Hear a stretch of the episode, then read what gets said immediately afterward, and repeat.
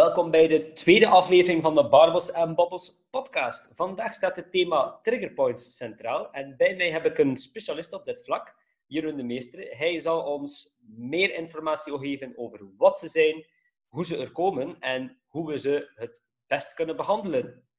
Enjoy!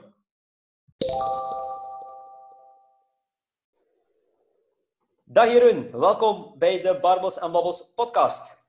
Uh, leuk om jou hierbij te hebben. Uh, wij gaan vandaag babbelen met u over de triggerpoints. Ik had dat al een beetje laten vallen. Maar uh, meestal is het wat de gewente, vooraleer we de podcast starten, dat ik wat overloop. De search noemen we dat.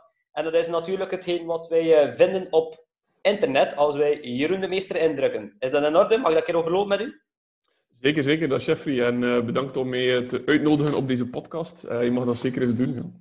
Ja. Goed, wat vinden we in, van Jeroen de Meester op het internet? Partner bij Form Sports en Rehab. Dat, weet dat wist ik natuurlijk al. ik ben daar ook een, een, een deel van. geen partner, maar, maar ik werk ook voor, voor Form en Sports en Rehab. Dus dat wist ik al dat jij daar was. Uw studies, kinesiotherapie. Um, dat is hetgeen wat je gestudeerd hebt en dan ook aan het werk uh, in bent. En dan heb je beginnen postgraduaten en dat is vooral manuele therapie, myofasciale therapie en draaineedling, wat een belangrijke zal zijn voor vandaag. En ook um, het osteopathie gedeelte heb je ook volledig uh, in uitgebreid. Klopt dat? Hè? Dat klopt allemaal, ja. Dat is, uh, Kini was hetgeen waar ik aan de Unie gestudeerd heb in Leuven. Um, en dan al snel tot de conclusie gekomen dat, uh, ook al is het een mooie opleiding, dat dat niet volstaat om uh, alles en iedereen te kunnen helpen. Uh, en dan uit interesse aan de volgende zaken begonnen. eerst manuele, dat was een jaartje in Gent. dat hielp weer een beetje. dan myofasciale therapie toevallig ingerold. Dat was net zo wat toen draineling wat ietsje populairder werd. Ondertussen een jaar of acht tot tien geleden, denk ik, zal dat zijn. en osteopathie um, was ook altijd iets dat ik al geïnteresseerd in was. Maar dat, een, dat was een grotere drempel, want osteopathie is is vijf jaar, dus dan denk je van, hm, moet ik daar aan beginnen? Ja, nee. Uh, maar heel blij dat ik het gedaan heb, samen met Dieter trouwens. Um, dat waren vijf pittige jaren, maar um, uh, we hebben dat goed overleefd. En onze vrouwen hebben ons dat uh, goed in bijgestaan, want dat was wel belangrijk. Dat was telkens op zaterdag en zondag. Dus we hebben daar enkele weekends aan gespendeerd, over een jaar of vijf verspreid. Super, super, super. En op het werkgebied, je, je bent blijkbaar niet direct gestart bij Vorm ik dacht dat je Nee, nee, ik ben eerst gestart uh, bij, um, bij een collega in, uh, in Hits, was dat toen nog. Dat was een osteopaat, um, die ik toevallig via via kende. Mijn, mijn vader woonde in Hits. Um, en net zoals iedereen net afgestudeerd, zocht ik gewoon een job. Uh, daar beland en, en enkele jaren gewerkt. En vond ik heel plezant. En ik combineerde dat samen met een sportpraktijk. Omdat ik altijd, zoals zoveel van het idee was, van ik wil vooral met sporters werken. Um, en die sportpraktijk was in, in Waregem, dat was toen nog Kallewaard en Wemo. Um, en die deden heel veel sportinvalidatie, nog steeds trouwens, en die zijn daar ook heel capabel in. Um, maar toen ben ik snel tot de vaststelling gekomen dat ik eigenlijk niet graag deed wat ik dacht dat ik graag ging doen. Uh, dus de pure sporters en de pure revalidatie, dat bleek dan toch iets minder mijn ding te zijn.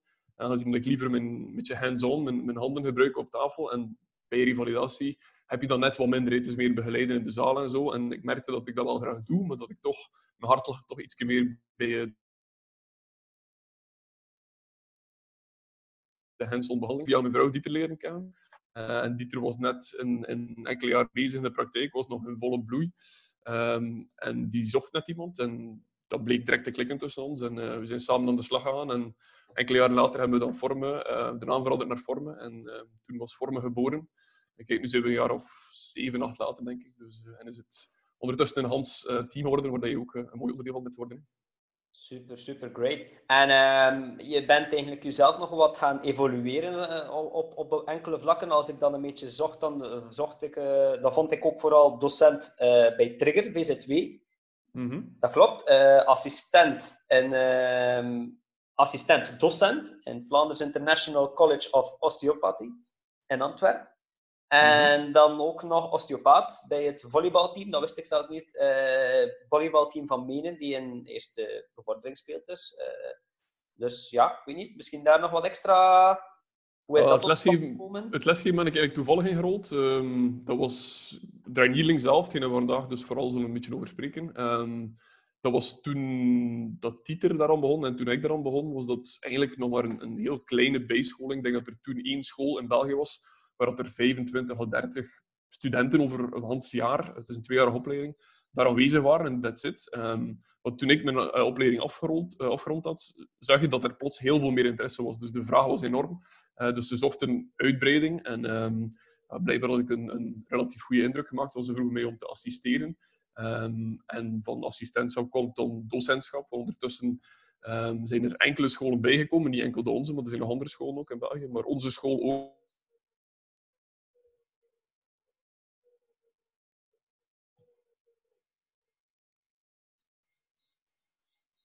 ook is uh, verspreid in Leuven, Brugge en in uh, Lokeren, dus tussen Antwerpen en Gent. Uh, en in, uh, in, Antwerpen zelf, het, het, het, assistent-docent in, in het FICO zelf, was iets dat ik zelf een klein beetje uitgezocht heb. ik had ook een, een bijscholing gevolgd in het FICO en ik was daar heel onder de indruk van de manier van werken.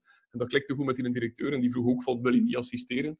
Um, en ondertussen was het sympathie zodanig belangrijk geworden voor mij, een beetje een nieuwe passie geworden. Um, dat ik dat ook opgesprongen ben um, en dat gedaan heb. Ik doe het nog steeds, niet zo heel veel, maar ik ga toch enkele weekends per jaar.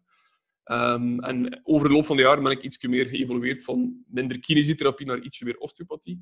Omdat ik merk dat, ik dat, dat daar meest mijn, hand, uh, mijn, hart ligt. En um, ook via via hadden mij toen gevraagd om uh, eventueel de osteopathie te doen van het volleybalteam van Menen. Dat doe ik nu sinds vorig jaar.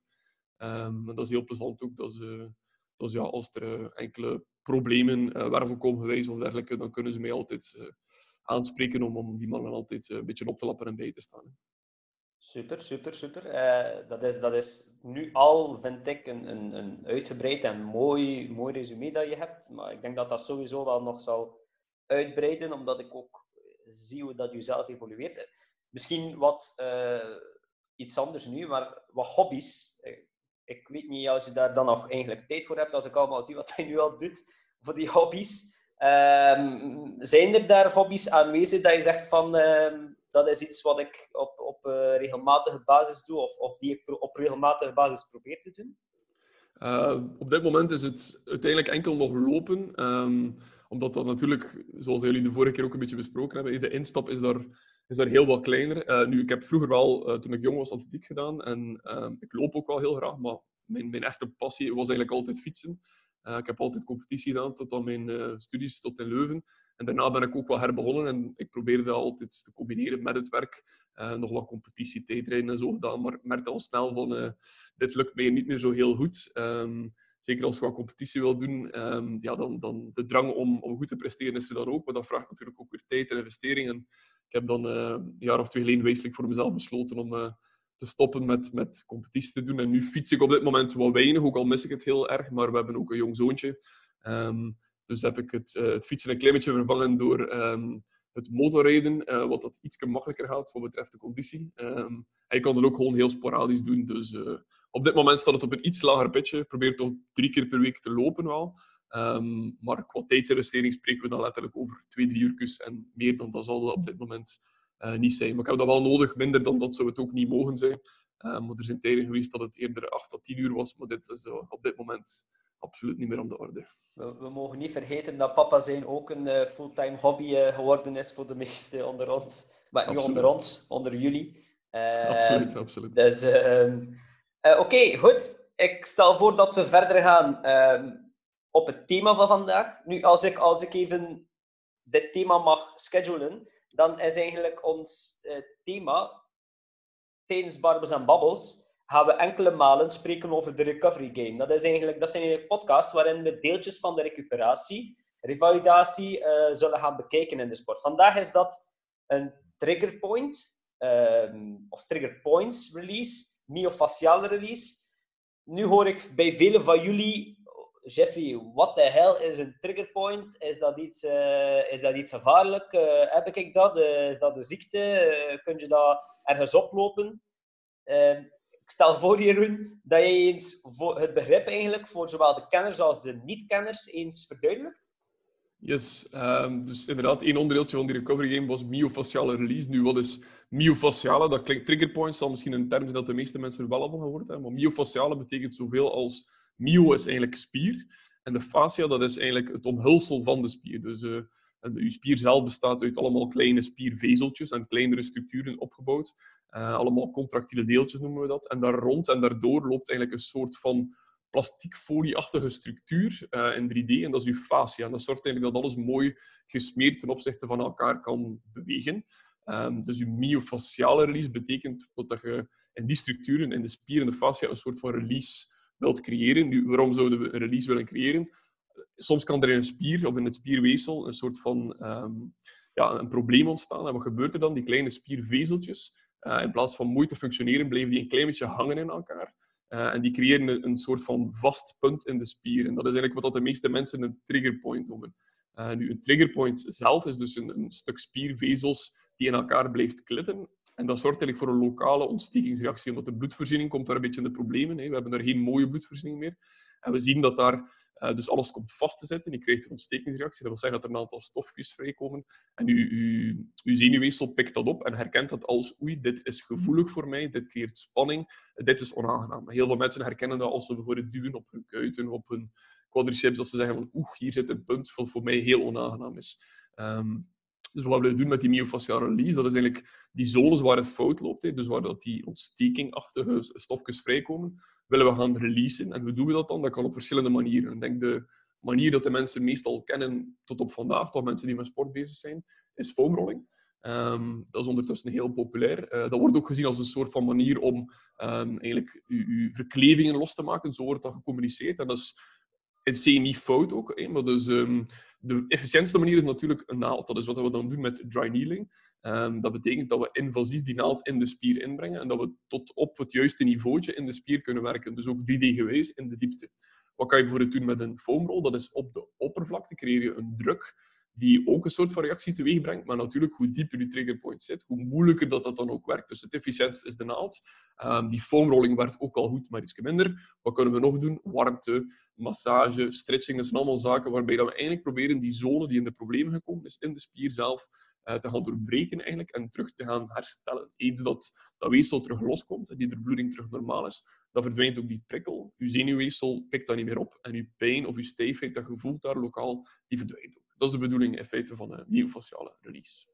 Ja, ja. En nu dacht ik, ik doe altijd wat research voordat we beginnen aan die, aan die podcast natuurlijk. En nu dacht ik van, uh, oké, Jeroen is, is, is specialist op het vlak van triggerpoints. En, en ik weet ook, omdat ik ook al vaak behandelingen gevolgd heb bij u. Uh, maar ik dacht van, die podcast gaat niet zeggen saai of heel ingewikkeld worden. Maar eigenlijk hoe meer dat ik daar begon over te lezen, hoe, hoe makkelijker en eigenlijk hoe meer ik mezelf ook kon beginnen in sommige situaties gaan, gaan inleven en voelde van inderdaad van een, een, een triggerpoint hoeft niet altijd moeilijk te zijn. Mensen, soms is het gewoon inderdaad je duim leggen op bepaalde zones die plots een reactie kunnen geven of waar je voelt van oef. En, en is het waar dat dan een, een triggerpoint eigenlijk dus een, een, in het groter vlak gezien een, een, een beginpunt kan zijn voor een blessure die op een ander vlak uh, kan, kan teweeg worden gebracht? Of, of, of is, is, een, is een triggerpoint een startpunt of, of is het meer een reactie van? Uh, beide kunnen. Het, zegt iets over het weefsel. Dus dat betekent um, het hangt allemaal een klein beetje vanaf van de gradatie. Dus stel dat je een, een harde training afgewerkt hebt, dus je bent volop in, uh, voorbereiding voor een bepaalde uitdaging, dan ontwikkel je ook soms triggerpoints, maar die hoeven niet altijd heel veel pijn teweeg te brengen. Dus die kunnen ook spontaan gaan recupereren. Maar dat weefsel, als dat begint in elkaar te klitten en vast te zitten, dan toont dat ook dat dat weefsel heel fel belast geweest is. Uh, en dat toont toch een zekere reactie. Dus dan is het aan de, aan de patiënt of de persoon in kwestie om in te schatten van oeh, ik heb op dit moment nood aan een recuperatie. Um, het kan ook soms een reactie zijn. Dus het kan een reactie zijn op na een training bijvoorbeeld. Of het kan ook een reactie zijn na een langdurige belasting. Dan denk ik wat meer aan, aan mensen uh, met een job die voor het heel dagen aan de, uh, aan de bureau zitten. Dat kan ook perfect dat zijn.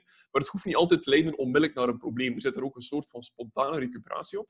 Um, maar het, het werkt in een soort van gradaties. Dus laten we zeggen dat die latent, noemen wij dat dan, aanwezig kunnen zijn. Dat betekent dat die toch al iets doen. Dat is dan heel vaak als mensen voelen bij zichzelf van oeh, dit is gevoelig. Maar als je vraagt, heb je eigenlijk pijn zomaar? Dan zeggen de meestal nee. Nee, enkel als ik erop druk. Dus dat is, dan zit je nog onder de drempel waarbij dat eigenlijk een probleem ontstaat. Dus dan zit je nog safe. Um, maar als dit verder evolueert en mensen passen hun gedrag niet aan of ze volgen niet de juiste recuperatie, dan kan dat evolueren naar een probleem. Ehm, stel dat je dan juist op dit moment vertrekt op reis en je hebt 14 dagen vakantie in Spanje, dan is de kans groot dat dit spontaan gewoon helemaal terug verdwijnt en dat er geen enkel probleem is. Super, super, super. En dus, dus een triggerpoint komt er in, in de spieren. Uh, het is iets dat denk ik in, in de hand wordt gewerkt. Wat zijn zo wat voor jou de, als ik, er mag, als ik de drie mag uitkiezen, of als je de drie mag uitkiezen, de belangrijkste oorzaken van deze spanningen of triggerpoints? Uh, ja, wel, de, de, drie belangrijkste voor mij zijn eigenlijk... Het eerste vind ik toch altijd individueel motorisch gedrag, noem ik dat. Dus dat, mensen horen dat niet graag, maar in mijn ogen zijn mensen voor 99% van de tijd verantwoordelijk voor hun eigen problemen. Dat is niet bewust dat ze dat doen natuurlijk, maar triggerpoints ontstaan heel vaak door hetgeen de persoon in kwestie doet. Dat kan werk zijn, maar dat kan ook hobby zijn of, of sport specifiek. Um, en dan spreken we natuurlijk weer, waar dat we in de eerste podcast ook heel vaak over gesproken hebben, natuurlijk over het belastingbelastbaarheid-principe, waarbij dat mensen moeten inschatten van, ja, hoe, wat doe ik over de, uh, tijdens mijn dag bijvoorbeeld en hoe ga ik daarmee om? Um, slaap ik voldoende? Recupereer ik genoeg? Hoe voel ik mij? Zo'n beetje dat soort kwesties. Um, mensen gaan heel vaak ook hun eigen klacht wat onderhouden.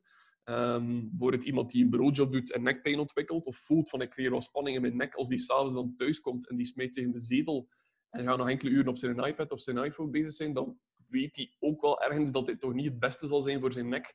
Um, dus op die manier vind ik dat heel vaak uh, vooral gaat over wat dat de persoon in kwestie doet. Uh, met sporters kan dat net hetzelfde zijn. Als die persoon voelt, we krijgen dan heel vaak het verhaal bij ons van ja, ik voelde al eventjes die spanning in mijn kuit, maar ja, ik heb het zo wat genegeerd en ben er vooral mee doorgegaan. En dan plots uh, um, verandert het verhaal in een soort van pijnklacht. Uh, dus heel vaak vind ik het individueel motorisch gedrag. Dus het, het, het niet kunnen inschatten van wanneer rust nodig is, wanneer activiteit nodig is. Um, tweede belangrijke vind ik persoonlijk stress en emoties. Um, en dan moeten we terug dat belastingbelastbaarheidsprincipe erbij halen. Dus belasting, wat wij noemen de som van alle stressoren, uh, zowel fysiek als psychisch, um, waarop we ons dagelijks aan blootstellen. Dan hebben we belastbaarheid, dat is eigenlijk de som van al hetgene ons lichaam op dat moment aan kan. Nu, dan zien we dat stress en emoties bijvoorbeeld uh, heel fel die belastbaarheid onderuit kunnen halen. Um, we zien dat ook altijd terugkomen in de praktijk. Als je het verhaal wat ruimer schetst um, en, en, de mensen beginnen wat te spreken hoe en wat, uh, dan zie je bijvoorbeeld van, kijk, de persoon zit op dat moment in een, een moeilijk verhaal thuis, sociale context, uh, is aan het scheiden, zit in een, een ingewikkelde scheiding, heeft het lastig, twee kinderen, uh, sociaal druk leven, wil toch nog sporten. En je ziet, de persoon staat zo wat precies, het, lippen het water staat aan de lippen, kan het bijna niet meer aan. En dan merk je dat die pijnklacht ook nooit niet echt ver is. Dus dan, dan merk je dat die stress en emoties daar ook een, een grote rol in spelen. Dus, dus dat is dan aan ons om natuurlijk dat altijd te herkennen. En dan derde is wat ik denk dat mensen het meest zouden denken dat is, statiek afwijkingen. Heel, heel veel mensen denken altijd mechanisch. Uh, ze denken aan een beenlengteverschil, een spieronevenwicht, um, een scoliose, een scheefstand van de rug. Uh, mijn voet is niet zo soepel aan deze kant, zou dat daarvan komen? Dus mensen denken altijd heel mechanisch van het moet, het moet iets zo zijn. Maar natuurlijk, het menselijk lichaam is geen geen pure mechanica. Het is een sterke mechanische component, maar het is veel complexer en ingewikkeld dan dat. Uh, maar dat speelt natuurlijk ook zijn rol. Iemand die uh, de ene kant een serieus beenlengteverschil heeft, die persoon moet daarvoor compenseren. Uh, we moeten dat meenemen in Hans die formule waarbij dat we iemand gaan onderzoeken en, en evolueren. Dus het is niet alsof dat, dat niet belangrijk is. Maar eh, ik plaats het pas op drie en niet op één en twee. Voor mij zijn die andere twee iets belangrijker. Dat, dat is inderdaad iets, iets waar ja, ik, ik heb ook wel mensen die revalideren, maar ik, ik heb die dan zo op een, op, een, op een later vlak. En inderdaad, het, het eerste wat je hoort is hoe die pijn ontstaan is en, en hoe zij mechanisch inderdaad denken dat die pijn ontstaan is. Maar de eerste twee, daar hoor je eigenlijk heel weinig van. Dat is natuurlijk iets waar jullie vooral mee bezig zijn. En dat is iets, ja, is dat, is dat iets dat de mensen nog altijd niet geloven van? Zoals bijvoorbeeld, daar wil ik nog eventjes dieper op ingaan, het gebruik van gsm en tablet. Je hebt daar even aangehaald bij, bij, je, bij je eerste puntje. Um, heeft dit zo'n grote, want dit is wel iets die nu voor het moment in het leven waar we nu zijn, zeker nu in die coronatijden, is dat ja, ik voel dat van mezelf ook. Ik zit ook veel meer op die gsm, je scrolt ook meer. Je zit inderdaad in een, in een positie. Is dat iets dat je zegt van, dat is echt wel een probleem? Of, of is dat iets dat je zegt van, oké, dat kan wel tot aan een bepaald punt. Dat je zegt van, Uh, ik vind het toch wel een probleem in de zin van, ik ben niet anti-smartphone of anti-tablet, zeker niet, maar natuurlijk alles in moderatie. En als je ziet, we zien het ook heel vaak gewoon in onze wachtzaal, uh, iedereen hangt altijd aan dat scherm geplakt. Als we dan puur mechanisch bekijken, dus hetgeen dat de mensen misschien best zullen begrijpen, je hoofd weegt 5 à 7 kilo. Uh, en dat als je je hoofd naar voren laat vallen, uh, je ziet iemand voor u met een smartphone, niemand zit daar heel lichtjes naar beneden te kijken. Meestal valt het hoofd compleet naar voren toe, hè. bijna 90 graden naar beneden geklapt en de gsm op de schoot. En met een tablet hetzelfde. Dat zorgt ervoor dat die belasting van die 5 à 7 kilo exponentieel stijgt naar een soort van drukkracht die in uw wervelkolom ontstaat. Dus het is niet alsof dat er, laten we zeggen, als iemand voor zich kijkt, dan is er 5 kilo druk op de wervelkolom op dat moment. Op het moment dat dat hoofd naar voren komt, spreken we niet over 7, 8, maar we spreken over 30, 40 kilo druk die op je wervelkolom komt. Dus het moment dat jij daar kwartier, 20 minuutjes, half uur in die positie zit, uiteraard geeft dat wat prikkeling en, wat druk in je wervelkolom. Dat is nu eenmaal niet zo aangenaam voor je structuren om langdurig te verteren. Um, en als dat te frequent voorkomt, dan mag je er zeker van zijn dat dat zal meespelen in het ontstaan van bepaalde klachten. Uh, zijn de mechanisch of zelfs myofasciaal, als die spieren en die fascia continu op rek worden gebracht die structuren hebben dat niet graag. Die hebben een soort van rusttoestand waar ze graag in zijn. Eh, en als je die continu eruit brengt, dan gaan ze dat niet plezant vinden. Dat mag je zeker zeggen, absoluut. Ik denk dat dat voor de mensen wel, voor enkele mensen, toch wel eventjes uh, slikken zal zijn als ze dit gaan horen. Uh, sowieso, ja, ik heb, dat is ook iets... Ik weet nog toen dat ik op een een of andere behandeling kwam bij u, ik heb er al redelijk veel gedaan, zo'n behandelingen, maar dat ik wel last had van mijn, mijn nek en de rug. En, en dat zijn dingen waar ik vroeger beter weinig last van had, was het ook een van de eerste dingen dat je me vroeg van, of eerste dingen dat je me zei van, uh, probeer je smartphone-gedrag wat aan te passen. En toen dacht ik van, ja, oké, eh, dat probeer ik wel eventjes te doen, maar dat is natuurlijk iets die vlug vervaagt. Hè. Uh, ik voel dat ook van mezelf, dat is iets dat je vlug... Ja, in het begin let je er wat op en, en probeer je hoofd wel recht te houden, maar, maar op den duur is dat iets die vlug vervaagt. Dus ehm, dat is toch wel iets dat we moeten, denk ik aanhouden en, en, en mee bezig zijn. Ehm. nu, uh, zou ik graag iets, iets verder gaan. Um, naar de sport toe. Spreekt het voor zich dat eigenlijk de pijnen of de, de spanningen, dat die dus niet enkel optreden tijdens het sporten, na het sporten, is het dan goed als je de pijnen of de spanningen voelt voor het sporten, om dan eigenlijk nog te sporten? Um, dat is natuurlijk dat is een heel open vraag. Um, dat hangt er een klein beetje van af. Soms kan sport op een rustige manier net de manier zijn waarbij je spanning doorbreekt, in feite. Waarbij je eigenlijk wat recuperatie en wat doorbloeding in gang zet. Um, het hangt dan natuurlijk een klein beetje van af hoe dat de mensen zich kunnen inschatten. Wat dat we vaak zien is dat ervaren atleten, ik zal het zo noemen, hun lichaam een stuk beter kennen en dat die voelen wanneer dat die welk soort belasting kunnen erop leggen. En ik denk dat er een beetje een, een tendens soms heerst bij bij de mensen van um, meer is beter en uh, we gaan niet zagen en altijd maar doordoen, maar het correct kunnen inschatten van je lichaam is belangrijk. Waarom? De pijn of de spanning die je voelt, is eigenlijk een waarschuwing van je zenuwstelsel. Dus je lichaam communiceert met u door te zeggen van kijk, ik voel nu dit. Um, het is niet het moment om mij nog meer te gaan overprikkelen, bijvoorbeeld. Dus een soort van, als je met een soort van spanning op voorhand zit, laten we nu zeggen een, een nek- of een rugspanning, dan kan sporten net heel gezond zijn, waarbij dat je dan even de druk in je wervelkolom volledig gaat veranderen. kan prima zijn.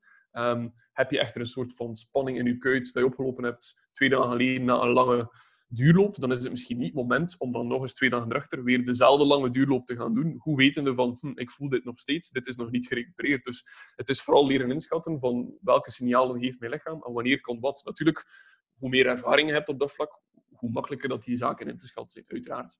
Um, dat is ook hetzelfde voor ons. Eh, dat is natuurlijk onze job om daarmee bezig te zijn. Dus als iemand zijn verhaal vertelt, kunnen wij ook relatief makkelijk inschatten van oké, op dit moment kan dit nog steeds. Uh, dit vraagt wat rust. Um, dit vraagt dat soort belasting. Um, wij zeggen heel zelden tegen iemand van doe helemaal niks. Uh, meestal passen we gewoon het type belasting aan. Dus ik, ik denk nu voor dan iemand die explosieve sporten doet. Dus explosief noemen we dan voor het loper, waarbij er heel veel pliometrie aanwezig is. Dus snelle bewegingen van de spieren in en out, laten we zeggen. Of een basketter of, of iemand die veel sprong doet. Uh, die kan perfect, um, als die eventjes last heeft in de kuit of in de quadriceps, zeggen we van kijk, doe wat crosstraining. Zijn de ehm, we gaan eventjes uh, enkel gaan fietsen, uh, conditie onderhouden, dat we toch in beweging blijven, dat die conditie niet achteruit gaat, maar dat die spier op dat moment niet geprikkeld wordt of overprikkeld wordt. Dus dat we op deze manier kunnen tot een soort van volledig herstel Dus hier is het natuurlijk heel individueel, um, een beetje in samenspraak met de therapeut in kwestie. Um, maar je lichaam communiceert wel duidelijk met u. Dus het is belangrijk dat mensen de signalen ook oppikken. En, en mogen we dan ook stellen, want ik, ik heb ook wel wat, wat, wat ervaring daarbij, mogen we dan ook stellen dat, een, dat is iets wat ik altijd uh, ondervind, een, een triggerpoint of, of een spanning in je spieren, Mm Dat komt er niet van in het sporten zelf. Dus eh, je loopt dat niet op in het sporten zelf. Dat is meestal iets waar ik toch mee opsta. Of iets dat je zegt van, kijk, je ligt zelfs in je, in je zetel. Of, of we zijn nog wat aan het rusten. Of je staat recht en je voelt van, oef, het is duidelijk iets niet, niet juist, niet correct. Hoe komt dat dan? Hoe, hoe, is, dat, is dat iets die meerdermaals voorkomt? Of, of is dat iets dat je zegt van, goh, ja. Nee, dat is een goede vraag. En uh, dat is ook heel logisch als we over nadenken wat dat eigenlijk een triggerpoint is. Dus wanneer gaat een triggerpoint zich uiten? Dat is wanneer um, een spier um, weinig doorbloeding heeft. En dat betekent bij statische activiteit. Zitten, staan, uh, waarbij je weinig doorbloeding door die spier jaagt. Waarom? Er is al een zone in die spier die slecht doorbloed is. En als die spier dan nog eens minder doorbloed wordt, dat is dan het moment dat hij eigenlijk op zich de zenuwweefsel begint van op te pikken van oei, hier is iets aan de hand, hier is iets niet oké, de doorbloeding is hier niet meer oké. Uh, en dan uitzicht dat inderdaad in pijnsignaaltjes. Uh, bijvoorbeeld heel typisch, zoals je zegt, na een dag bezig zijn, je zet u in de zetel s'avonds en plots merk je van, amai, die spanning in mijn nek, ik begin hier continu wat uitstraling naar mijn hoofd te voelen, bijvoorbeeld. Wat merken we het omgekeerde, als je de doorbloeding verbetert, sporten, bewegen, dat het precies allemaal beter gaat. Um, en wat betreft het oplopen tijdens weinig, want um, een triggerpoint ontstaat meestal progressief. Dus dat wil zeggen dat iets die zich heel langzaam opbouwt en dan pas zich uit in een rusttoestand. En als we dan merken tijdens sport dat er toch een plots een pijn ontstaat, dan is dat meestal een trauma. Uh, dat betekent dat het niet meer gaat over, over vezeltjes die in elkaar geschoven zijn, maar eerder over vezeltjes die gescheurd zijn en die beschadigd geweest zijn. Uh, wat dat ook heel vaak voorkomt, um, maar ik denk niet voor de meeste mensen. Uh, denk jij als ex-voetballer kan best wel herkennen wanneer dat een, scheurtje in de quadriceps of in de hamstrings, dat voelt helemaal anders aan dan het gevoel van ik sta de dag erop, daarna op en ik voel hm, mijn bil of mijn kuit voelt niet goed aan. Dat is meer triggerpoint geweest. heb je tijdens een match zelf van ik trap op de bal, ouch, pijnlijk in de bil, dat is een trauma. Dus dat zijn twee verschillende zaken, inderdaad. Dus, dus we kunnen eigenlijk stellen dat bijvoorbeeld een triggerpoint makkelijk, of niet makkelijk, maar op te lossen is met wat lichte sportactiviteit en, en, en wat low cardio. Als het nog niet te ver geëvolueerd is, absoluut. Ja, ja dus uh, dat, dat is bijvoorbeeld iets dat je zegt van oké, ik, heb, ik heb een hele dag voor de computer gezeten en uh, ik sta rechts en ik voel van mijn rug, mijn onderrug zit niet volledig oké. Ik heb daar een pijnpuntje. Dan is bijvoorbeeld gaan wandelen, gaan fietsen een, een, een goede activiteit om niet te zeggen van je kan het ermee wegwerken, maar je kan wel je structuren terug die doorbloeding geven dat ze nodig hebben om dat pijnpunt, die triggerpoint weg te werken. Ja, je ziet ook dat mensen dat ook vanzelf doen. Dus wat doen mensen? Ze leggen een uh, kerstpitkussentje in de nek, dat is doorbloeding en warmte. Uh, ze gaan wat oefeningen gaan doen, ze gaan wat foamrollen. Alles wat je zult doen om je klachten te verminderen, heeft te maken met het verbeteren van de doorbloeding. Niemand voelt zich beter als je een pijntje hebt door stil te blijven zitten. Uh, diegenen die dit niet doen, die gaan dan gewoon medicatie gaan nemen. Wat natuurlijk ook helpt, maar dat is natuurlijk puur symptomatisch, dan verdoezelen je gewoon je klacht. Um, en dat is natuurlijk ook geen oplossing, vind ik. Ja, goed, daar komen we straks nog eens op terug, want dat vind ik ook wel interessant. Uh, nu wil ik uh, eventjes uh, doorgaan. Dus, dus jij bent iemand, uw, specialisatie, laat, laat ons maar zeggen, ligt daarin. Jij komt ook per dag veel mensen tegen die een beetje met die klachten sukkelen, die dus een beetje die patroontjes hebben, dat je zegt van, ik heb al pijn in de nek en het, gaat al een tijdje, het is al een tijdje zo, het gaat niet weg. Wat zijn bij jullie in de praktijk de meest voorkomende uh, pijntjes en, en triggerpoints dat, uh, dat er worden gepresenteerd aan jullie? Uh, ik denk, als ik ze moet ordenen, zou ik zeggen nek- en hoofdspanningspijnen. Um, als, als hoofd, als, als nummer één zou ik zeggen. Lage rugpijn is absoluut ook die twee, denk ik, ook voor iedereen herkenbaar. En dan de derde zijn de overbelastingsklachten van sporters, um, die lichte problemen ontwikkelen. Dat, kan, dat is meestal te maken met um, de gewrichten natuurlijk. Dus dat kan rond de enkel zijn, rond de knie, rond um, het bekken zelf. Um, Uh, meestal in het type pathologie zoals dat we daarnet verteld hadden. Dus licht opkomende klachten. Je voelt bij het sporten, het gaat allemaal wat stroever en moeilijker. Dat is ook een, een, een stuk dat we heel vaak zien bij sporters. Uh, omdat die heel vaak flirten met die balans van net wel, net niet oké. De klassiekers, lage rugpijn en nek- en hoofdpijnen hebben veel meer te maken met, um, zoals dat we al gezegd hadden, individueel motorisch gedrag. Dus heel vaak zeg dat beeldschermmerkers, noem ik die mensen.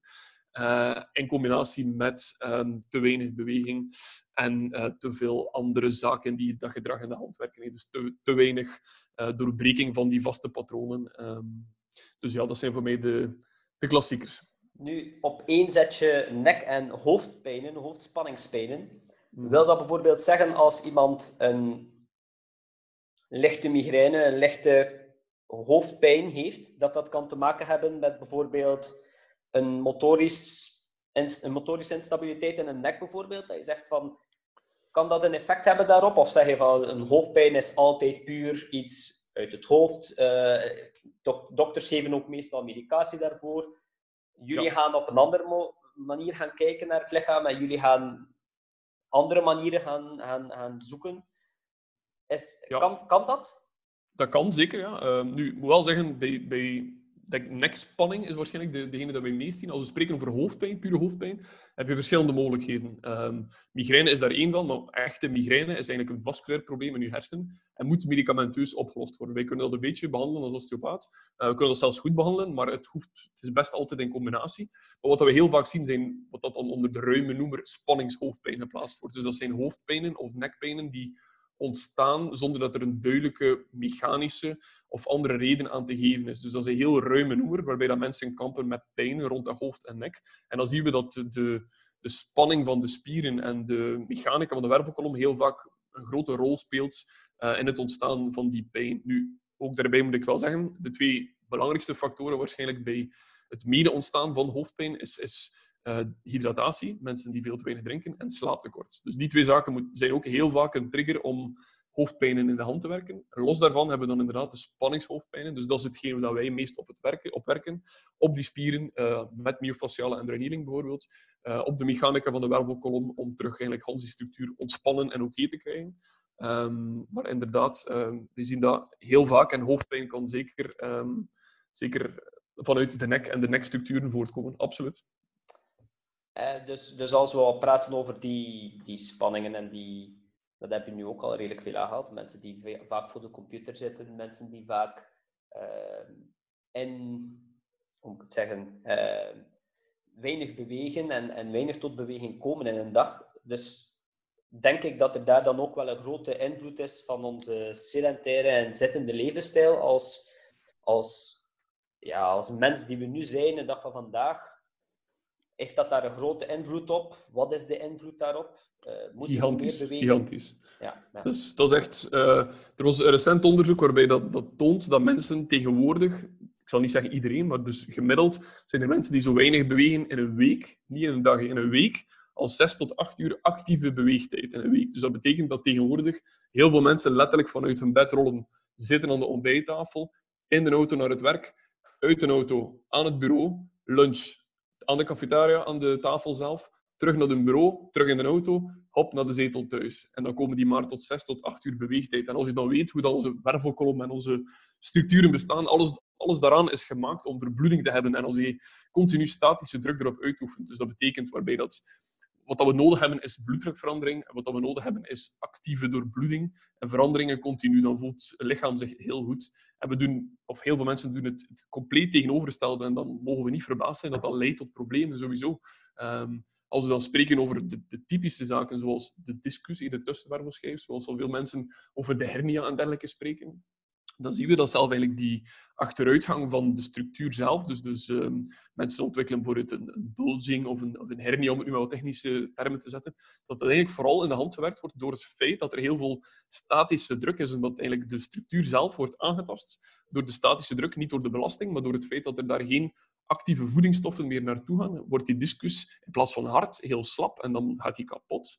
Uh, en dan krijg je zaken zoals dat wij bijvoorbeeld een hernia noemen. Hè. Dus, dus alles wijst erop dat, dat het lichaam zich veel beter voelt uh, als het beweegt. En uh, in, een, in een huidig klimaat, waarbij dat heel veel mensen op een, en kantoorwerken, is dat natuurlijk heel moeilijk. Je merkt ook wel, we zien dat ook heel vaak, dat bedrijven proberen een beetje aan te pikken daarop door toch mensen te activeren of, of te belonen als ze met de fiets komen of ze de kans te om over de middag te sporten en zo. Maar ik denk dat tot op vandaag de mensen zelf nog steeds niet goed snappen hoe belangrijk dat is dat je de duur van, van het sedentaire dat je dat moet doorbreken. Dus dat je niet kunt maken van s morgens van 8 tot 12 aan één stuk te zitten. En dat het ook niet volstaat om dan één keer recht te staan om een potje koffie te halen. Dat is niet genoeg. Je moet echt wel om het uur bijna zou je de trap eens op en af moeten bewegen om echt wat doorbloeding door die structuren te jagen. Dat werkt. Dus uh, de beste bureaustoel, um, dat helpt allemaal heel, heel weinig. Vandaar dat ook, je merkt dat ook. Er heel veel, uh, heel veel mensen investeren in ergonomie, hoog-laagtafels, ballen om op te zitten, noem maar op.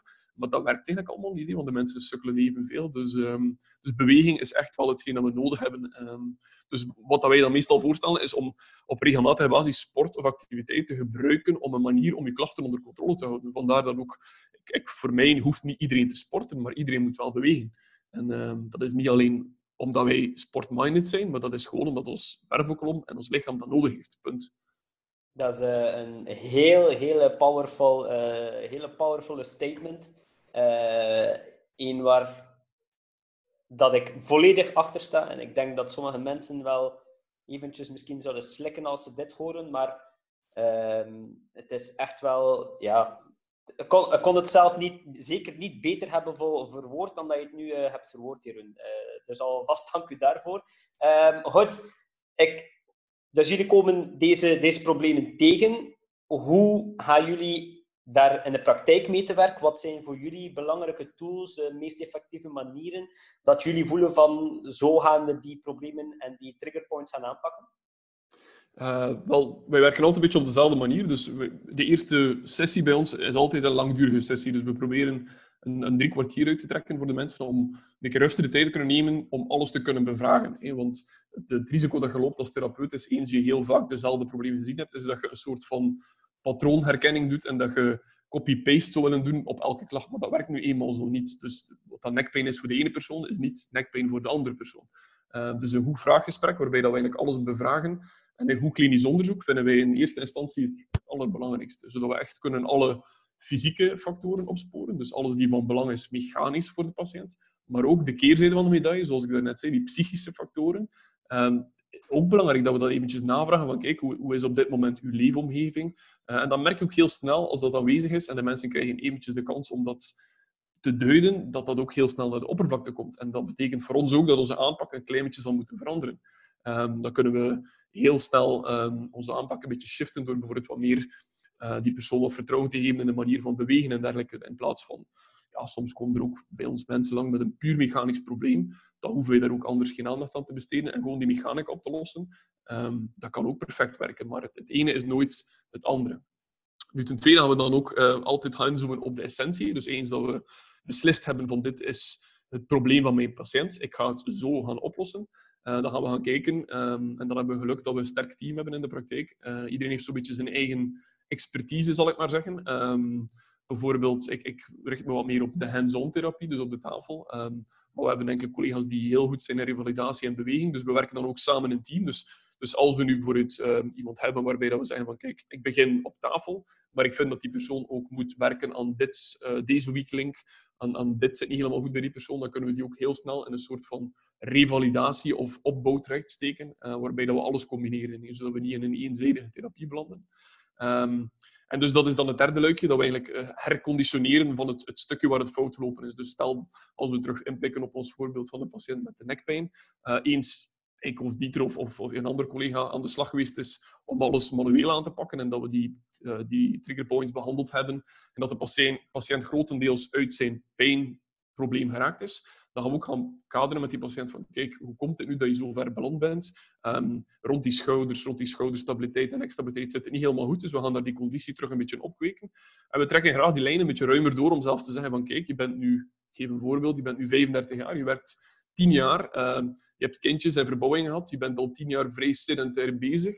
Ik zou beginnen opletten, wordt het niet stilletjes aan tijd dat je een keer probeert om wat sport terug te implementeren. En dan gaan we die persoon gaan begeleiden tot op een degelijk niveau, zodat hij terug in een, in een actievere levensstijl kan terechtkomen. Um, en dan in de eindrevalidatie, zoals jij ook heel veel mensen ziet, Jeffrey, je weet dat, uh, gaan we die terug gaan in een actieve levensstijl gaan, gaan duwen, is het woord niet, maar gaan stimuleren, uh, zodat die terug pijnvrij raken en hopelijk een, een, een vast traject kunnen onderhouden voor zichzelf, zodat ze niet continu hervallen in hun pijnklachten en continu bij ons terecht moeten komen. Het mag niet een quick fix zijn en dan uh, om de zoveel tijd is patiënt terug behandelen. Uh, liefst proberen we die te stimuleren om eigenlijk echt op één houtje volledig uit de klachten te geraken met ons hulp. Dat, dat is zoals wij het eigenlijk zien.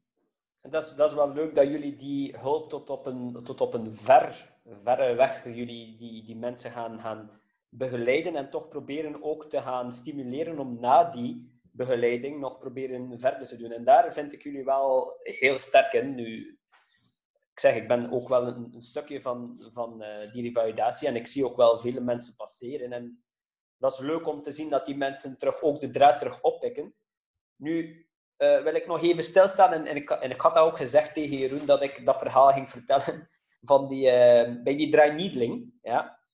Dat, is, dat, is een, dat is een techniek die inderdaad jij veel gebruikt en, en een hele, hele, waar jij ook een, een specialist in bent en een hele sterke techniek. Nu, voor, vooraleer ik fitness had ontdekt, uh, was, ik, was ik een voetballer, een uh, oldschool voetballer. Um, van blessure naar blessure en uh, met een klein pijntje doordoen. En uh, dat klein pijntje werd een beetje groter en een groot pijntje moest ik dan bij de kine langs. En ik denk op, op een bepaald moment in mijn carrière dat ik toch uh, per maand een, keer of drie bij de, bij de kine zat om, om kleine probleempjes op te lossen. Toen was er ook nog geen, ehm, wat, wat ik nu wel zie bij de meeste clubs en, en wat, wat er nu is, was toen ook nog niet bij mij uh, aanwezig. Dus, dus core stability uh, werd nog allemaal niet van gebabbeld. Ik denk ook, mijn problemen, dat dat iets is die jaren opgebouwd geweest is. En, en instabiliteiten in, in mijn lichaam, die ik nu nog altijd heb door die voetbal. Uh, dat zal iets zijn. Dat is iets waar ik zeker vele mensen nu kan op wijzen en nu kan op zeggen van als je instabiliteiten hebt, werk eraan. En als je iets hebt dat je voelt van is een weak link in je lichaam, werk eraan. Die weak link wegwerken zal u helpen in uw volgende stap naar, naar, naar een beter lichaam en naar een sterk lichaam. Nu uh, heb ik ooit, en dat ga ik nooit vergeten, dus ik, ik ga af en toe eens bij uh, Jeroen om, om, om enige pijntjes. Soms is het zelfs preventief, omdat, omdat sport is mijn job en, en mijn lichaam dat is bij mij, dat moet onderhouden worden. En, en, en ik heb graag mijn lichaam wat in, in, in, in, de greep, bij wijze van spreken. Uh, toen ik nog voetbalde, had ik uh, een uh, hamstringprobleem. En dat was een, redelijk hardnekkig hamstringprobleem. Dus ehm, zoals, zoals um, Jeroen aanhaalde, ehm, ga je dan eigenlijk met die naald naar de bepaalde lagen van je spieren om, om eigenlijk dat probleem te gaan opzoeken. Nu was dat bij mij een redelijk, denk ik, hardnekkig, hoop ik, hardnekkig probleem. En na enkele sessies was dat nog niet volledig weg. Nu kwam ik toe in de praktijk en uh, ik wist al praktisch wat er ging gebeuren. Dus ik wist wel dat die hamstring terug ging moeten worden aangeprikt. Maar ehm, nu zei Jeroen, oké, okay, eh, het zal een iets uh, zwaardere sessie zijn vandaag. En ehm, oké, ik had al enkele naaldjes in de hamstring uh, gekregen, dus ik was daar niet echt direct bang van. Maar we hebben dan denk ik een sessie gehad, Jeroen. Ik heb waarschijnlijk uh, jullie mat volledig ondergezweet. Uh, ik heb ook, denk ik, de mensen in de praktijk, ehm, ik weet niet of je die mensen nog ooit hebt teruggezien, bang gemaakt. Ehm, maar ik denk dat, we daar, dat ik daar een van de zwaarste sessies, dus draainiedeling, zwaarste sessies had heb, die ik ooit endured heb met de naaldjes. Um, wat was daar een beetje, kan je daar even nog op in? Wat was daar een beetje het probleem? Ik denk dat je ook wel nog weet over welke sessie ik het heb. Absoluut. Komt het dat we daar zo diep of dat we daar zo ver hebben moeten gaan? Uh... Wel, dat hangt er een beetje van af. Van persoon tot persoon. Voor het in uw geval, zoals dat je zelf zegt, dat, dat komt niet vanzelf. Dus dat was een eentje aan de gang. En dat betekent ook dat bij u dat er een extra, wat dat wij dan noemen, centrale sensitisatie ontstaat. Dus dat betekent als een klacht lang bestaat, dan gaat uw gevoeligheid ter hoogte van de spier en ter hoogte van uw zenuwstelsel eigenlijk altijd maar meer en meer en meer en meer worden. Dus uw eigen lichaam, in plaats van vanzelf te verbeteren, ga je eigenlijk de verkeerde kant uit. Dus je gaat altijd maar in een negatieve spiraal verder. Uh, en dan soms moeten we, ik kan niet zeggen dat de alarmbel trekken, maar dan moeten we even niet brusk te werk gaan, maar moeten we wel even doorwerken, zodat de input krachtig genoeg is om eigenlijk die, die, die, ja, die cirkel die je beland bent, om te doorbreken. Uh, we hadden gemerkt na de eerste paar keren van, oké, dit helpt, uh, maar we geraken er niet helemaal uit. Dus dan hadden we geopteerd om eens wat steviger erin te gaan. Nu, doen we dit bij iedereen? Nee, en het hoeft ook niet altijd hard te zijn. Natuurlijk, we spreken hier over een sporter. Um, iemand die dan ook nog vertrouwd was met training. Dus het is dan mijn inschatting geweest om te kijken van, kijk, op dit moment Jeffrey kan dit aan. Uh, dat wil erom niet zeggen dat dit zo plezant was voor u, maar dus ik, ik gaf u een dosis van een behandeling waarvan ik dacht dat jij ze aan kon op dat moment. En die krachtig genoeg was om u uit die vicieuze cirkel te halen. Um, nu komt iemand met een een ander probleem die helemaal geen sport gewend is, die volledig over zijn toeren en gesensitiseerd is, dan gaan we natuurlijk niet op deze manier te werken. Dus het is, al, het is een inschatting van de therapeut in combinatie met wat dat de persoon dan in kwestie aangeeft. En zo gaan we beslissen hoe dat we gaan needen. Het is altijd met een naald, um, maar hoe we die naald gebruiken kan heel veel verschillen. En bij u op dat moment was dat nodig. Dat, dan zitten we aan het volledige andere uiterste, laten we zeggen de zwaarste drainieling. We hebben ook de heel lichte drainieling. Uh, en het is aan mij om in te schatten waar we wat kunnen toepassen. Bij u was dat dan op dat moment nodig. Het heeft ook goed gewerkt. Uh, maar inderdaad, het was even heel pittig voor u. Um, want dat is dan de inschatting van therapeut-patiënt. En, um, en dan als je dan daaruit gaat uit die vicieuze cirkel, dan kunnen we terug gaan herbouwen. Hè? Want het heeft bij heel veel mensen geen zin om te gaan oefenen en stretchen en dergelijke, zolang dat die pijncirkel niet doorbroken raakt. Hè? Dus uh, als dat langdurig bestaat, dan moeten we eerst even erin kunnen vliegen om dan daarna te terug kunnen bouwen. Hè? Dus, uh, en ik denk dat de... dat wel iets is waar je, dat je correct zegt iets dat je. Het heeft geen nut, denk ik, persoonlijk, om sessie na sessie draaienieling te hebben als je toch terug je eigen problemen gewoonweg weer in de hand werkt, denk Absoluut. ik. Dus um, nu dat ik ook uit die, uit die voetbalwereld ben, en ik, ik heb niets tegen voetballers, maar de sport is zo explosief en vraagt zo'n zo'n grote uh, kracht op je spieren en, en draaien en op je gewrichten, dat je ze dan ook op een andere manier moet kunnen trainen, zodat die, zodat die druk daar eventjes wegval wordt. En toen heb ik fitness leren kennen, toen heb ik wat functioneel uh, trainen leren kennen. En als ik nu mag eerlijk zijn, ik ben nooit zo lenig geweest toen ik was eh, als, als ik voetbalde. Dat ik, kon, ik kon mijn tenen niet raken met mijn handen. Dus uh, mijn hamstring, rek en, en, en, en stretching was, was heel zwak. Uh, een probleem, denk ik, dat heel veel voetballers hebben. De heupmobiliteit uh, was bij mij super zwak.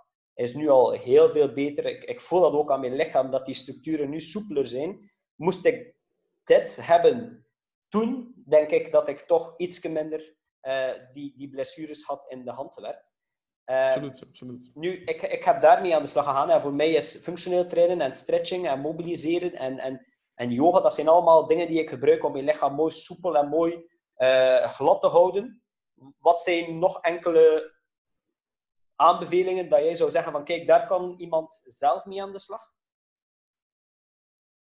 Uh, ja, wel, de, de, punten die je aanhaalt, Jeffrey, zijn helemaal correct. Hè? Dus het probleem, om de heepjes in te pikken, in de voetbalwereld is heel vaak dat er, er wordt best wel intensief getraind in de week. We spreken over drie, vier keer. En er is eigenlijk geen, of toch weinig aandacht voor de andere zaken, zoals die mobiliteit en dat stretchen en dat lichaam in balans houden. Dus wat gebeurt er heel vaak, is dat patiënten of voetballers uh, een beetje hervallen in, in, in, een patroon van blessure, behandeling en onmiddellijk terug voetballen. En er is geen tijd of te weinig tijd om er echt op te werken, behalve als we dan naar de iets hogere klasses gaan, waarbij dat dan iets meer tijd vrijkomt uh, of iets meer aandacht kan gespendeerd worden daaraan. En dan nog is het soms zeker geen, uh, geen evidentie. Dus in een ideale wereld zouden we al die zaken doen bij iedereen. Uh, maar we weten ook heel vaak van onze patiënten dat het vooral uh, de vraag is van lap mij op, zodat ik terug morgen kan spelen. Dan geven wij wel mee van je moet hier echt eens gaan werken. Maar dat is dan een beetje de verantwoordelijkheid ook van de, patiënt in kwestie soms, of dat ze dat willen doen ook. Dus heel veel mensen herkennen uw verhaal. Wat kunnen mensen natuurlijk zelf doen? Um, ik denk weer om die sedentaire en misschien niet enkel de sedentaire maar ook neem nu een sportspecifieke um, zaken zoals voetbal. Dat, dat creëert bepaalde onevenwichten en instabiliteiten, zoals je zegt. Dat is ook zo. Je krijgt kortere hamstrings door altijd die krachtbelasting op een gebogen been. Bij wielrenners is dat ook zo. Dus idealiter, preventief, zou ik voorstellen dat die mensen een beetje gaan ingrijpen op hetgeen dat ze aan het creëren zijn. Uh, we zien dat er nu ook veel meer aandacht voor is dan vroeger, gelukkig. Um, of dat je nu voetballer bent of een wielrenner. Um, hetgeen dat je altijd in overmate doet, zijn het voetballen of het wielrennen die positie bijvoorbeeld, dan moet je een beetje gaan tegenwerken. En dat kan perfect door preventieve oefeningen. Yoga lijkt mij een heel goede. Yoga is, is, die geweldig in opkomst is. En wat maakt yoga zo goed, is dat we eigenlijk alles gaan omkeren wat we de hele allez, dag doen. Dus yoga creëert um, heel veel beweging in een houding en houdingen dat we niet gewoon zijn van doen. Vandaar dat voelt ook voor iedereen heel onaangenaam. Terwijl iemand die daar ervaren in is, die heeft er geen enkel probleem mee. Wat is nog zo'n sport dat je voor het zou kunnen doen, die ik alles omkeert, in mijn opinie? Klimmen. Hey, muurklimmen gaat jouw heupen, jouw armen, alles wordt dus in het volledige andere richting belast en omgekeerd. En kan voor heel veel mensen heel veel deugd doen om dat te doen. Dus preventief een sport of oefeningen gaan doen, sowieso de beste oplossing. Uh, als we wat meer symptomatisch denken, dan denk ik dat we ook um, die foamrolling en, um, en, en compressiekousen en zo, weten we ook dat echt wel de klachten behoorlijk onder controle kunnen houden als we daar op frequente basis mee bezig zijn. We zien dat heel veel terugkomen bij de duursporters, die heel veel uh, trainingen doen, heel veel volume. Dan merken we ook dat die mensen zo altijd wat flirten met die grens van net te veel, net te weinig. Dus als die dan actief aan de slag gaan met wat preventieve stretching, met wat preventieve doorbloedingsoefeningen, dan zien we ook dat dat echt wel heel veel meerwaarde is. Um, en als we dan denken aan de niet-sportievere mensen, bijvoorbeeld, als we denken aan, aan mensen die heel veel pijn inhalen uit hun werk, dan gaat het vooral over wat ik daarnet zei, die bloeddruk veranderen en uh, dat vaak recht staan en trappen doen. Dus in een ideale wereld, laten we zeggen, als je op je werk, op een kantoor, moet je over de middag op zijn minst 10 minuten, een kwartier gaan wandelen. Stevig stappen, dat die bloeding eens goed op gang komt. Die wervelkolom moet bewegen. Er moet daar echt even iets doorbroken worden. Um, anders vrees ik dat vroeg of laat iedereen wel eens wel last krijgt van nek- of rugpijn. Het is nu eenmaal niet zo gezond. Um, werk je in een omgeving waar dat, dat kan, dat je tussenin ook nog een keer mag rond zo'n 10 uur of zo een keer even wat gaan bewegen en dat dat gestimuleerd wordt, zoveel te beter. Uh, kan je met de fiets naar je werk? Ook goed. Hey, probeer wat activiteit in die anders zeer sedentaire dag te steken. Um, en natuurlijk denk ik, uh, als je het echt wilt um, helemaal goed doen, is het belangrijkste voor de patiënt om zelf te doen, is niet wachten totdat de pijn er effectief helemaal is. Je moet zoals dat we nu aan het bespreken zijn, hè, wel preventief te werk gaan. Um, en dan kan je heel veel klachten en echte pijnen gaan vermijden. Zo, we, we horen te vaak in de praktijk altijd van, hoe lang heb je dit al? Goh, het is al enkele maanden aan het aanslepen, maar nu is het plots slechter worden. Dan denk ik, ja, dat is goed voor ons, maar natuurlijk voor u had je beter enkele maanden geleden al wat preventief ingrepen en misschien stonden we dan nu niet waar we nu moeten staan. Hè, want mensen verwachten altijd van, los het zo op. Maar als we spreken over iets die enkele maanden aan het sluimeren is, dan, dan vraagt dat soms wel wat tegeninput om dat terug helemaal oké okay te krijgen. Voor het nu voorbeeld van de hamstring. Uh, als dat enkele jaren, eh, klacht, geen klacht, een beetje pijntjes, dan keer je dat niet zomaar om. Um, dus, dus mensen moeten, moeten genoeg en vroegtijdig uh, proberen met hun eigen lichaam aan de slag te gaan. En dan kunnen heel veel problemen vermijden, absoluut. Goed, en nu heb ik ook nog eens enkele random cases, noem ik ze. heb, ik, heb ik nog wat algemene um, random cases bedacht dat ik denk van dit is wel iets waar vele mensen mee in contact komen. En dat zijn mensen, fictieve mensen, uh, die, die een bepaalde levensstijl hebben. Bijvoorbeeld, onze eerste random case is uh, Pieter. Pieter is een uh, commercieel bediende. Pieter werkt acht uur per dag achter zijn computer. En uh, als hij van zijn computer komt en hij gaat naar huis, gaat hij tegen zijn vrouw non-stop gaan klagen van zijn onderrug.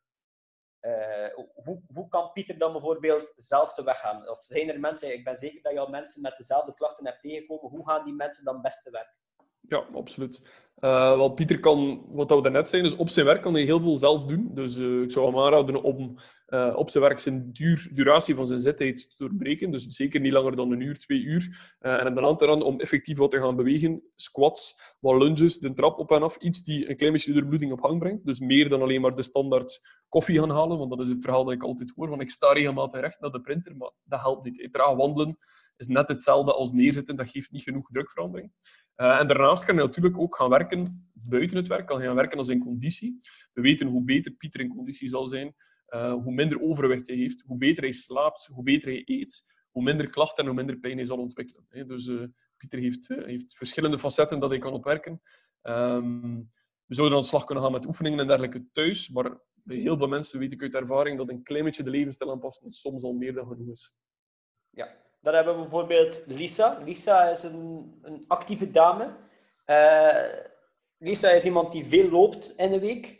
Maar na het lopen heeft ze vaak last van haar kuiten, Achillespees, wat stress daarop. Uh, kan Lisa bijvoorbeeld ook zelf hier wat mee aan de slag? Of? Absoluut, absoluut. Dat is ook een heel herkenbare klacht. Hè. Dus heel veel lopers hebben last van de kuiten. Nu, hoe komt dat? In 90% van de gevallen is dat omdat die personen tijdens het lopen hun bilspieren, de, de gluteale spieren, de glutes, te weinig gebruiken. Um, dus wat dat zij moet proberen te doen, is, is die gluteale spieren, dat zijn trouwens de spieren die Waarom is dat bij zoveel mensen een probleem? Omdat we te veel op ons achterste zitten, letterlijk. En we weten dat statische druk op een spier zorgt ervoor dat die lui wordt. Uh, dus, dus Lisa moet er ook in slagen om haar gluteale spieren veel actiever te maken, veel meer gebruiken. Uh, en vooral proberen dan te vertalen, niet alleen gaan oefenen met de bilspieren zelf, maar dat te gaan vertalen naar een looppatroon. Dus wat zouden we haar aanraden? Eens dat we die kracht een beetje terug opgebouwd hebben, is wat opwarmoefeningen te gaan doen voor haar lopen, waarbij dat we die spier echt gaan triggeren, triggeren, triggeren. Uh, dat die goed actief staat. Op het moment dat ze gaan lopen, zal hem dat vertalen in een veel actiever gebruik. Ze zal mooi rechtop lopen, uh, een mo mooiere pas creëren en ze zal veel minder spanning opbouwen in haar, in haar kuit. Want wanneer creëert zij kuitspanning? Op het moment dat zij wilt de pas vooruitbrengen, gebruikt ze voornamelijk haar kuit en haar Achillespees om haar te lanceren naar voren. En we willen eigenlijk vooral de combinatie van kuit, hamstring en posteriore ketting noemen we dat, en de bilspier gaan gebruiken om haar kracht te ontwikkelen. En niet alleen die ene ene spier van achter. Hè. Dus uh, bij haar gaat het vooral over bilspieren creëren. Super, super. Um, en dan heb ik nog één eh, uit het fitnesswereldje. Um, Eén die ik wel veel zie, vaak zie voorkomen eigenlijk. Um, dat is Eddy. Uh, Eddy is een krachtsporter, sport in de fitness of zit meermaals per week in de fitness laat ons zeggen 4 op 7 in de fitness.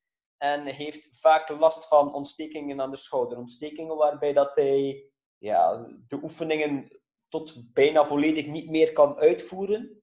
Uh, hoe kan hij die bijvoorbeeld preventief te werk gaan? Kan hij die ontstekingen wegwerken? Kan hij, kan hij ze in de hand houden?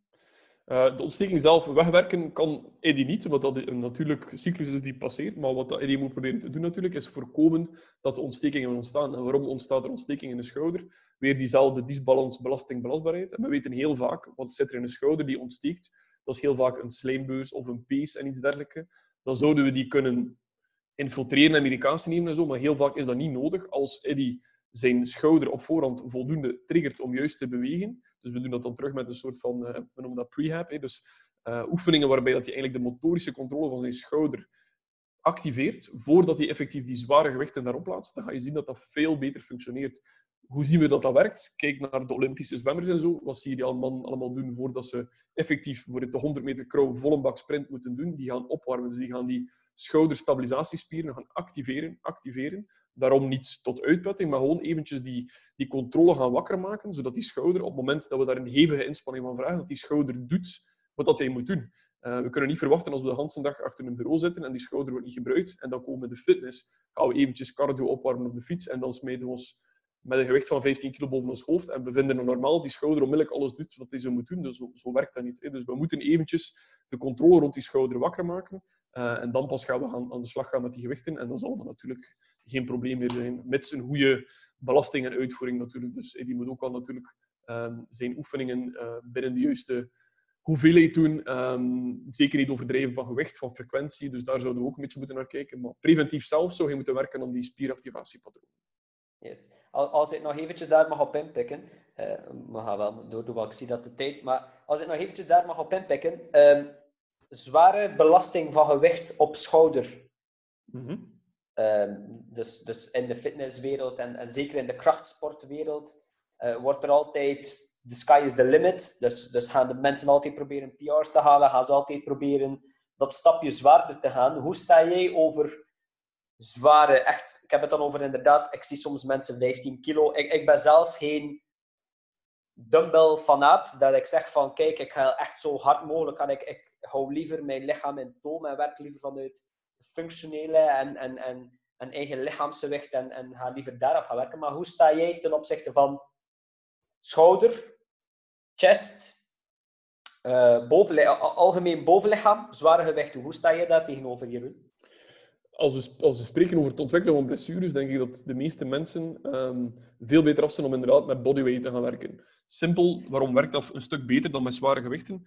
Ehm, het is bijna onmogelijk om met je eigen lichaamsgewicht boven je vermogen te gaan. Uh, ofwel kan je de oefening uitvoeren, ofwel niet. Dus zit er een soort van natuurlijke rem op die ervoor zorgt dat je jezelf niet gaat forceren.